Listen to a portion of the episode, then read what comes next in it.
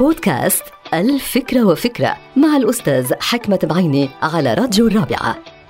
من المؤسف أن يخدعك أحد الأشخاص أو يخون العهد أو يسيء الأمانة. هاي معروفة.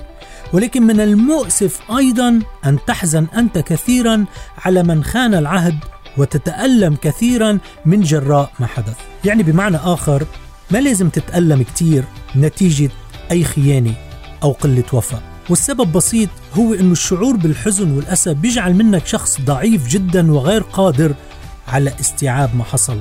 بما أنه الوفاء هو من شيم الكرام ولكن للأسف مش كل الناس عندها هذه الشيم.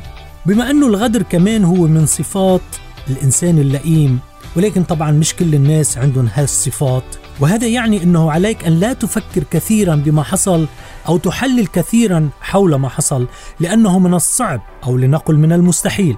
أن نعرف نوعية الناس الذين نتعامل معهم أو نتعرف على الألغاز التي يعيشون فيها أو نكتشف ما يخبئونه من شيم كريمة أو صفات لئيمة. لذلك من الأفضل علينا أن نتعامل بصدق وإخلاص ونوايا طيبة مع الآخرين من دون أن نتوقع الكثير من هؤلاء الناس أو على الأقل أن لا نتفاجأ كثيرا إذا ما تصرفوا بالمثل أو إذا ما احترموا مبدأ المعاملة بالمثل إن أصعب لغز في الحياة هو هيدا الإنسان. عقله وقلبه وتصرفاته وردود أفعاله هو عبارة عن مجموعة ألغاز متضامنة ومتكافلة فيما بينها. لا تخدم شو؟ لا تخدم مصالح معينة ومحددة بغض النظر عن مصالح الآخرين. فلا تحزن من الغدر بل ابتسم له لأنك تتوقع هذا الغدر ولا تتفاجأ بالوفاء لأنه موجود ومبارك ومحمود هذا الوفاء.